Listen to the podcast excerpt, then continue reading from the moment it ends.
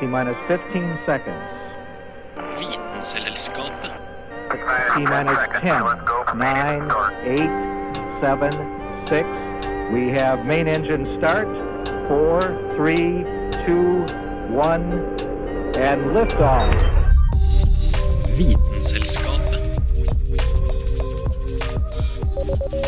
Vitenselskapet på Radio Nova.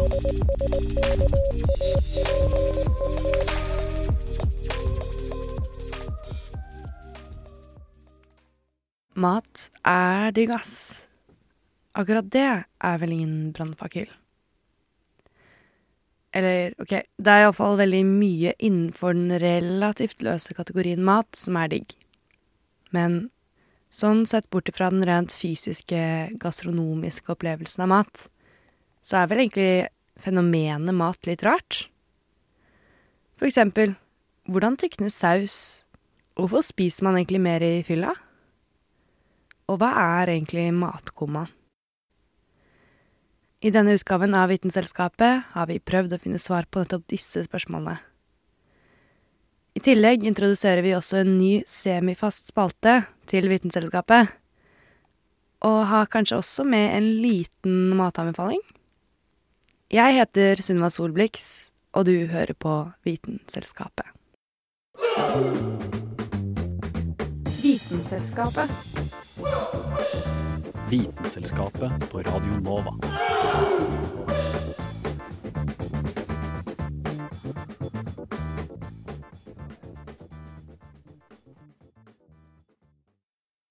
De fleste av oss har hørt om The Munchies, men har du hørt om Drunchies?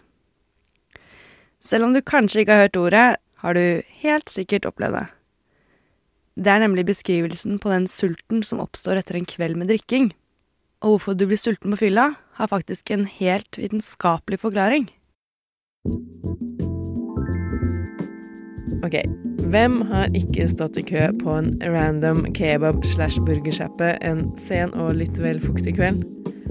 Og det til tross for at du forhåpentligvis spiste middag før du dro ut, og garantert har fått i deg mer enn nok av kaloriene du trenger gjennom drikke i løpet av kvelden. Allikevel er det ingenting som frister mer enn et eller annet raskt og gjerne usunt måltid å stappe i seg. Hvorfor? Det viser seg at forskere er vanlige mennesker de også, og har lagt merke til dette fenomenet.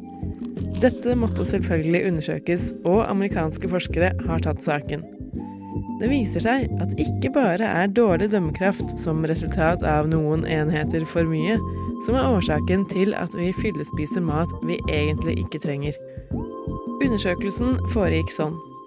For at ikke appetitten skulle bli påvirka av hva man drakk, fikk forskningsobjektene alkohol intravenøst den ene gangen de deltok, og den andre gangen fikk de placebo i form av saltløsning inn i årene. Så måtte de lukte på lukter av mat og andre ting, mens hjernene deres ble monitorert i en MR-skann. Etter luktinga ble de servert et måltid med enten pasta eller biff og nudler. Ikke overraskende spiste to tredjedeler av de fulle personene mer enn de edru. Og årsaken ble avslørt av hjerneskannen. Når du drikker, påvirkes nemlig hypotalamus i hjernen, den delen som kontrollerer forbrenninga. Denne delen ble mer påvirkelig for matlukt på fylla. Maten lukter altså bedre enn den ellers ville, og gjør den mer fristende. Ja, rett og slett bedre. Som forklarer enkelte valg av matsteder. Man sier jo at sult er den beste saus, men kanskje man rett og slett burde oppdatere ordtaket og gå for 'fyll er den beste saus'.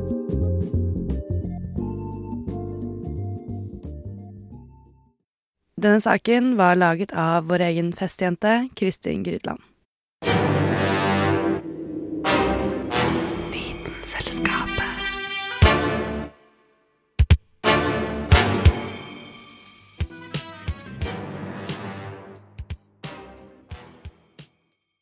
Vi spiser i forskjellige situasjoner hele tiden, men har du tenkt over om det påvirker smaksopplevelsen? Og hva slags faktorer har betydning? Hva gjør maten din digg?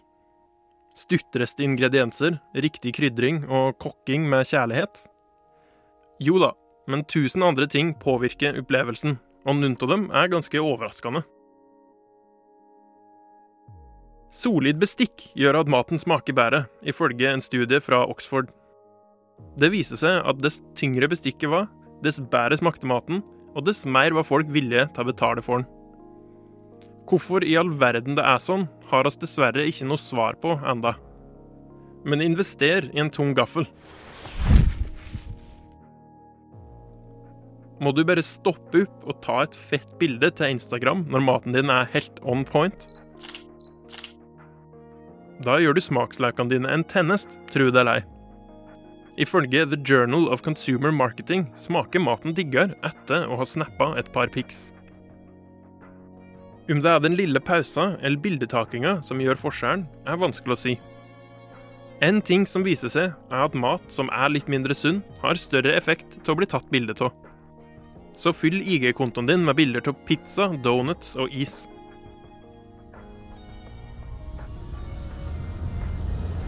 Flymat var et lett offer for uinspirert 90-talls standup.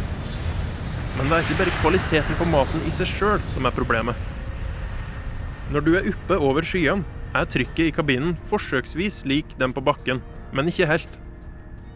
Som ei følge av dette unormale trykket blir kroppsvæsker dytta oppover kroppen, og nosseborene hovner opp. Det er som å være forkjøla, og da smaker jo maten mindre. Lydnivået på flyet har òg en innvirkning. Bråker det på flyet, gjør det at smakslekene dine oppfører seg litt unormalt. Søtsmaken blir dempa, mens den femte smakstypen, umami, blir forsterka.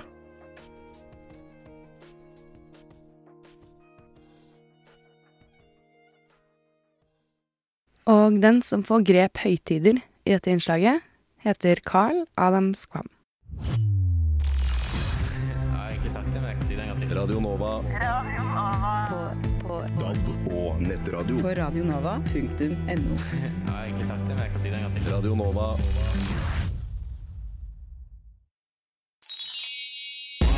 Vis, vis, vis, vis, visste du at? Visste du at?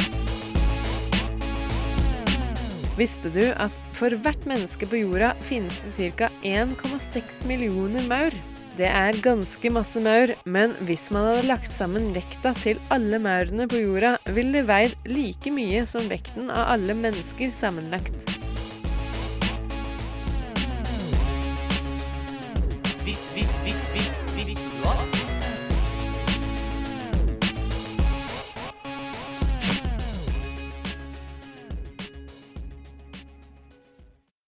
Alt vi spiser, er kjemi. Selv om vi ikke nødvendigvis tenker på det, sånn når vi spiser til vanlig. Hvis du eksempel har laget hvit saus, har du sikkert lagt merke til at det skjer noe med ingrediensene som gjør at sausen tjukner. Kristin Grydland har sett nærmere på vitenskapen bak saus. Smelt smør i en kjele og bland inn hvetemel. Stek melblandinga litt og spe på med melk mens du rører om. Plutselig forvandles melken fra tynnflytende til en deilig og tykk hvit saus. Jepp, det er en form for magi. I hvert fall hvis du, som jeg, mener at kjemi har noe magisk over seg. Men hva er det som gjør at melka, eller buljongen, eller den væska som nå står i din oppskrift, blir forvandla? Det korte svaret er at det gjør den ikke. Det er nemlig melet som forvandles. Rettere sagt de små stivelseskornene i melet. Litt som bitte små svamper absorberer disse kornene vann og utvider seg, noe som endrer konsistensen på sausen.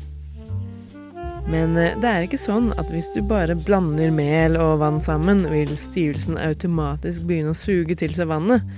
Det er nemlig varme som får prosessen til å skje. Etter hvert som væsken varmes opp, begynner molekylene å bevege seg raskere og raskere.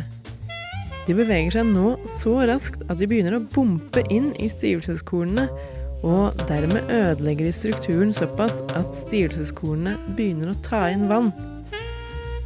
Til slutt når blandingen en metning, hvor stivelsen har tatt inn så mye vann den klarer, og sausen er blitt så tjukk som den kan få blitt. Hvis du fortsetter å varme sausen, kan den faktisk bli tynnere. Det skjer hvis vannmolekylene bumper så mye inn i stivelsen at de ødelegger kornenes struktur såpass at de ikke lenger klarer å holde på vannet de har sugd til seg. Heldigvis kan dette lett fikses ved å ha oppi litt mer stivelse. Så da er det bare å si kos deg med din flytende blanding av fuktige stivelseskorn. Bon appétit! Yummy!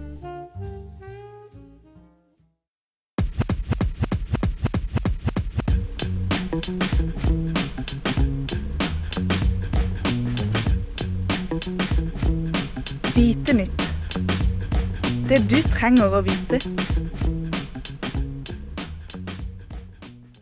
Ja, og da er det tid for litt uh, Vitenytt. Med meg i studio så har jeg Carl Adams Kvam. Hei, hei. Hva slags nyheter har du med deg i dag? Uh, ja, jeg har vært inne på forskning.no og funnet meg en fin liten sak om uh, farger og forbrukere. Er bra med litt alliterasjon. For det er nemlig noen studier som blitt utført av en nordmann i, på et universitet eh, i Boston. Og norsk forskning er jo sjølsagt viktig å fokusere på. Eh, nei da, men eh, den saken her eh, handla om at eh, hva farge, eller hvor sterk farge er på et produkt, har ganske mye å si på hva oss tror om størrelsen til produktet. Om størrelsen? Ja, for det hypotese til han eh, fyren her var at eh, hvis det er sterkere farge, så tror oss at noe er større. Så eh, han gjorde noe eksperiment for å teste det her, da. For eksempel så tok han et par kofferter. Den ene var mørkebrun, den andre var litt ljosarbrun. Og så spurte han dem som var med i forsøket, om hva er den største kofferten. Og når de fikk beskjed om at de skulle finne den største med mest plass, så var det den mørkeste broen de valgte. Og motsatt, når de fikk beskjed om at de skulle velge den minste, når de tenker på å ha det over eh, det på flyet, da valgte de den ljuseste broene. Konsekvent. Eh, det var ikke bare den eh, Det var ikke bare det ene eksperimentet med kofferten de gjorde. Et annet litt morsomt et at de ga alle i forsøket en kopp som hadde enten ljusbrun eller mørkbrun eh, farge. Og så fikk de beskjed om å måle opp jellybeans, jelly beans, sånne små godteri, til å fylle koppen Ja. sin med. Så fikk de ei ause og beskjed om at de ikke kunne gjøre det mer enn én gang. Det er ikke sånn at de kunne fylle opp helt gradvis til toppen, men de måtte ta det på slump, bare hva de trodde i utgangspunktet, da. Og da viste det seg at de som tok eh, De som tok eh, til å fylle den melkekoppen, de tok 27% mer i snitt. 27% Ja. Det er ganske mye mer. Det er ganske betydelig forskjell i hva vi tror om eh, størrelsen på ting, bare ut ifra hva, hva slags eh, tone av den farga som er utapå tingen. Det er veldig bisart. Um, og så den mest eh, Og det som var mest eh, overraskende for meg, tror jeg, var at uh, ta med hele romfølelsen blir forandra av hvor sterk farge ting i rommet har. Jaså. For det, de hadde to rom. Ett med en puff som var ljoslilla, ett med en puff som var mørklilla. Du ser kanskje et tema gående her. Ljos og mørk. Eh, og det rommet som eh, hadde den mørkelilla puffen, trodde alle at var mindre enn den med den ljoselilla puffen. Så bare ett lite møbel i, en rom, i et rom kan eh, gjøre at du eh, misforstår litt hvor stort rommet er. Ja, men dette overrasker meg egentlig litt, fordi man, de sier jo liksom det at eh, ja, hvis du ikke vil Hvis du vil se tynnere ut, da, for eksempel, så går det med svart. Men kanskje dette er, eh, er egentlig helt omvendt. Hvis du vil se litt mindre ut, så burde du også gå med lysere klær. Ja. Eh, jeg Eller tror ikke jeg skal prøve ikke. å trekke noen motetips ut av det her, for det er ikke helt min purview. Men eh, definitivt neste gang du skal kjøpe en koffert, tenk over at mm, kanskje ikke bare farger er viktigst. Ta så mål litt sånn på halvveis, i hvert fall. Ja, det er kanskje én fordel. Mm. Tusen takk for at du kom til studio, Carl. Ja, bare hyggelig. Oslo 2 igjen, Oslo 2. Dette er Vitenselskapet. Radio November, Oskar, Viktor, Alfa.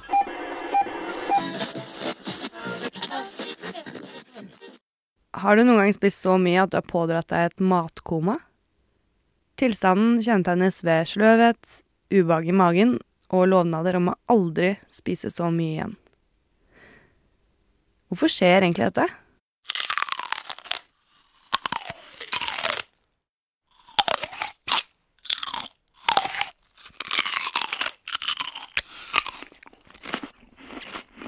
Du kjenner følelsen.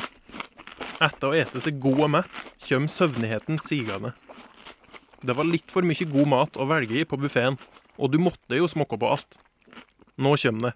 Det frykta matkomaet. Hva er det som skjer med kroppen din etter å ete et stort måltid? Det er fysiske prosesser som skaper slappheten. Når du har kasta i deg masse digg mat, må nemlig fordøyelsessystemet kjøres på høggir. Blodforsyninga til magesekk og tarmer blir økt, på bekostning av andre system inni det. Hjerna er en av taperne i utvekslinga, og med mindre blodforsyning til hjerna blir du trøtt. Voilà matkoma. Ikke bare mengden, men òg typen mat som blir fordøya, påvirker styrka på komaet. Verstingene er måltid dominert av karbohydrater, og særlig dem med høy glysemisk indeks. Glysemisk indeks er et mål på hvor mye matbiten får blodsukkeret ditt til å stige. Høy blodsukkermat fører oftere til matkoma. Eksempel på karbohydrater med høy glysemisk indeks er poteter, loff, hvit ris og pasta. Vil du unngå matkoma, unngå store mengder av dette. Et par andre faktorer å se etter i søken på å slippe å bli fanga i sofaen etter middag. Væske fører til mindre trøtthet. Supe er altså mindre sannsynlig til å gi søvndyssende effekter. Det hjalp òg å drikke mer med maten. I en nylig studie på bananflugu fant forskere ut at proteinfora flugu sover lengst. Sukker hadde overraskende nok ingen effekt. Hvis du vil klare det når det kommer til julaften, et mindre, prioriter ned potetene, ta litt mindre ribbe og drikk mer ikke-alkoholholdig væske. Eller ta deg en middagskvil. Det er tross alt jul.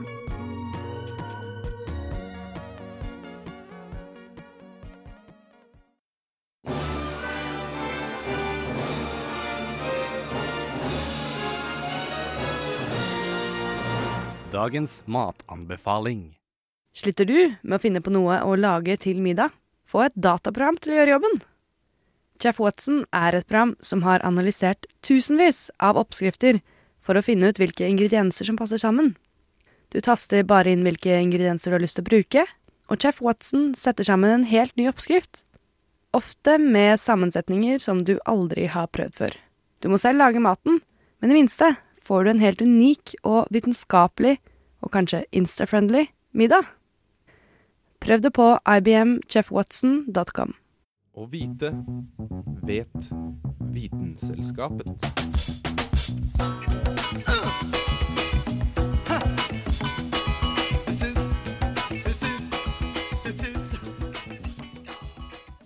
Har du hørt om isen som ikke renner, smelter og forsvinner hvis du spiser den for sakte? Yo, VIP. Let's kick it. Ice, ice, baby. Ice, ice, baby. All right, stop. Sjokolade, vanilje, pistasje, cookie dough, soft, saft, med strø, uten strø og gud vet hva. Is finnes i så mange varianter, men hittil har det ikke funnes i denne varianten. Japanere har gjort det igjen, de smarte jævlene. Forskere fra Biotherapy Development Research Center i Kanazawa har funnet en måte å få isen til å vare lenger. Og nei, ikke få til å spise den saktere, men at den faktisk ikke blir ødelagt underveis. Hvis du er som meg og spiser isen sakte, sånn at den står i fare for at den smelter.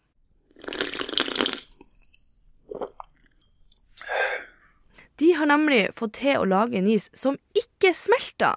Det er et slags jordbærekstrakt som hindrer olje og vann å separere seg så fort fra hverandre. Og det kan holde seg sånn helt opp til 28 grader. Den skal visstnok beholde den gode smaken, formen og få den frøsne følelsen i munnen. Det hele starta faktisk med en feil. Når en kokk skulle bruke noen rare jordbær i matlaginga, som var for stygge til å selges separat. Det var jordbær som var grodd i områder som var påvirka av jordskjelv og tsunami fra 2011. Dette gjorde at de fikk ei rar form som kunder ikke vil kjøpe. Han fikk derfor etterspørsel for å bruke disse jordbærene for å lage diverse mat. Det ble derimot ikke helt som han hadde tenkt, og han sleit annet med at jordbærene fikk kremen til å størkne. Forskerne på Kanazawa-universitetet hørte om dette og begynte å se på de her jordbærene. Det var da de oppdaga at det var polypenolvæske som forårsaka denne størkna følelsen på kremen. Deretter kom denne nye antismeltisen. Polypenolvæske gjør det vanskelig for olje og vann å separere, og resulterer derfor i denne konsistensen. Ekstraktet er helt naturlig og ble fort populært blant lokale forhandlere når dette kom fram i april. Folk har prøvd å holde isen i sollyset, og til og med brukt hårføner på den, men konsistensen vedvarer også. Og den frosne følelsen i munnen når du spiser den, er der også. Med andre ord ganske likt en vanlig is. Det har med andre ord ingenting å si om du har direkte varme på den, isen smelter ikke. Med mindre det er over 28 grader, da. Den beholder sin originale form. Av videoer vi har sett av denne isen, så ser den nesten litt seig ut, men ikke typ tyggemotstandsseig. Nei, altså, dette er virkelig en revolusjon for uh, trege folk. Per nå selges den dessverre bare i Japan. Forhåpentligvis kommer den også hit en gang i framtida. Ikke at vi når så mange varmegrader at vi på en måte trenger å holde isen frossen, men uansett. Det var Ida Katrine Vassbotn som fortalte oss om den geniale og fantastiske oppfinnelsen av is som ikke smelter. Vi får krysse fingrene for at den kommer til Norge neste, forhåpentligvis iallfall, varme sommer. Hæla i taket med Vitenselskapet.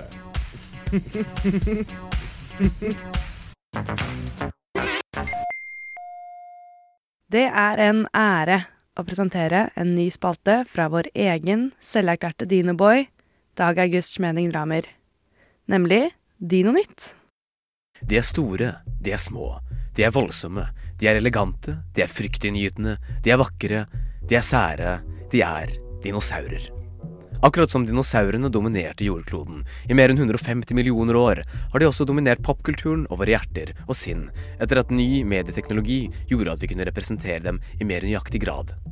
Hovedeksempelet på en skjellsettende, pun intended, og paradigmatisk moderne representasjon av dinosaurer kom gjennom den berømte filmen Jurassic Park, som kom ut i 1993. Filmen, som viser dinosaurer in action, hevet standarden for hva man kunne gjøre rent filmteknisk, og gjorde med det også at man for første gang kunne berike fantasien og forestillingsevnen, og komme et lite hakk nærmere å se for seg hvordan dinosaurene faktisk var. Mer om Jurassic Park om litt. Først må vi gi oss i kast med selve dyrene. Hva er egentlig en dinosaur? Dinosaurene var en gruppe reptiler som dominerte jordkloden i den geologiske perioden kjent som mesozoikum. Mesozoikum deles gjerne inn i de kjente underperiodene Trias, Jura og Kritt. Og disse tre epokene utgjør dinosaurenes regjeringstid. Ordet dinosaur er en sammensetning av de to ordene dino, som betyr fryktelig, og saurus, som betyr øgle. Og selv om dinosaurer løst kan betegnes som reptiler, er det egentlig ikke øgler, men medlemmer av undergruppen arcosauria, som innebefatter krokodiller, flygeøgler og fugler. Mange tror at flygeøglene og de såkalte svaneøglene, altså de havlevende øglene, er dinosaurer. Det er de dog ikke, da de tuller en separat, men beslektet krypdyrgruppe. Flygeøglene og svaneøglene levde på samme tid med dinosaurene, og konkurrerte med dem om ressurser og plass. På mange måter kan man si at svaneøglene fant sin nisje, vannet, og flygeøglene fant sin, luften, mens de rådende landherrer var dinosaurene. Det er et kjent og kjært faktum for ethvert barn at dinosaurene var store. Faktisk så var noen av dem enorme. Det er blant dinosaurene at vi finner de største landlevende vesener som noensinne har eksistert. Noen av dinosaurene er så store at selv navnene deres formes av størrelsen. F.eks. Giganotosaurus og Sauroposeidon og Supersaurus. Giganotosaurus er den største terropoden, altså tobente kjøttetende dinosaur, som har levd, og er faktisk en del større enn selv kongen, Tyrannosaurus rex. Men eksempler på de desidert største, lengste og tyngste dinosaurene finner vi i den berømte gruppen sauropodene, eller som de er kjent på godt norsk, langhalsene. Langhalsene var både store og varierte, og faktisk så er noen av dem så store at en undergruppe er laget for å bedre klassifisere dem. Titanosaurer. Berømte medlemmer av denne gruppen er andre Diplodocus og Brachiosaurus. Men dinosaurene var selvfølgelig ikke bare store. Noen var faktisk bitte små. Og hvis man regner med de avianske dinosaurene, altså fuglene, som tross alt klassifiseres som dinosaurer, så har man f.eks. kolibriene, de minste fuglene som finnes. Og da blir rekkevidden stor fra den minste dinosaur, kolibrien, som kan veie så lite som tre gram, til de største sauropodene, som kunne komme helt opp i en vekt på 70 tonn. Noe som alltid også har grepet nysgjerrigheten, er de mange formene, fasongene og kroppsstrukturene til dinosaurene, som har en voldsom rekkevidde. Fra de enorme kjevene og bitte små armene til Tyrannosaurus rex, til den lange hodekammen til Parasaurolophus og rustningen til Ankylosaurus, hornene til Triceratops og benplatene til Stegosaurus. Gjennom det store dinosaureksperimentet fikk evolusjonen testet ut de mest vanvittige former livet på kloden kan innta. Noe som nesten er like interessant som dinosaurene selv, er historien om hvordan dinosaurene først ble oppdaget av vitenskapen, og historien til forståelsen om dinosaurer. I begynnelsen trodde man at dinosaurene var trege og klumsete vesener, nettopp siden de i starten ble sett på som store øgler. Man lurte på hvordan de kunne opprettholde sin enorme kroppslige størrelser. En teori var f.eks. at langhalsene først og fremst oppholdt seg i vann, og at de med sine lange halser kunne nå ut av vannet til plantene ved sjøbredden for å spise. Man trodde også at de tobente teropodene sto oppreist mye som mennesker, og at de slepte halene etter seg. Det finnes også haugevis med morsomme anekdoter fra fossiljakt, der man f.eks. plasserte hodet til en sauropod på halen, og vice versa. Og iguanodon, en av de tidligste kjente dinosaurfunnene, trodde man hadde horn i panna, som en enhjørning. Hornene viste seg dog senere å skulle være på tomlene til dinosauren, ikke i pannen. Andre anekdoter fra historien om dinosaurforskningen får vi ta opp ved senere anledning, for dem finnes det haugevis av. Nå kan vi gå tilbake til Jurassic Park, en film det var så mye spenning forbundet med, mye grunnet det faktum at det var første gang dinosaurer ble grundig fremstilt på kinolerretet. Jurassic Park, med sin mer grundige research på den nyeste forskningen om dinosaurer, kunne vise oss skrekkøglene som aldri før, og siden den gang har populærvitenskapen vært besatt av dinoer. I filmen ser vi, spoiler alert, blant annet planteetere i flokk, velociraptorer som jakter som ulver, og med tilsvarende god luktesans, og en dødelig og høyst aktiv Tyrannosaurus rex. Var det ting ved fremstillingen av dinosaurene som ikke var vitenskapelig begrunnet eller korrekt? I høyeste grad, og detaljene rundt det kan bli tatt opp i en annen Dinonytt. Dog var det viljen til å respektere dinosaurenes kompleksitet og variasjon som gjorde Jurassic Park til en god film. Dette har vært Dino Nytt med Dag Dramur, som bringer deg det meste, det beste og det du ikke visste at du burde vite om de mest fascinerende skapningene som har vandret på kloden dinosaurene.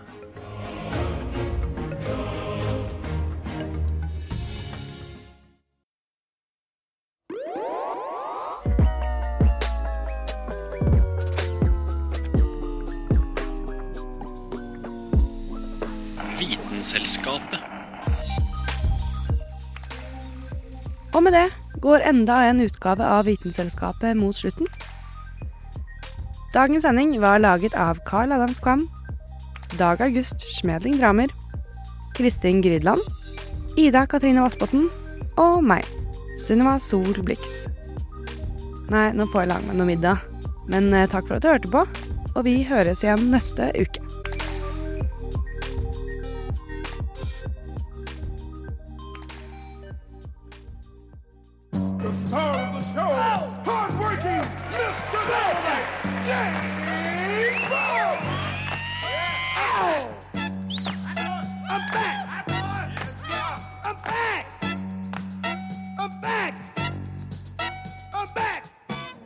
Everybody. This is James Brown, the Godfather Soul on Radio Nova.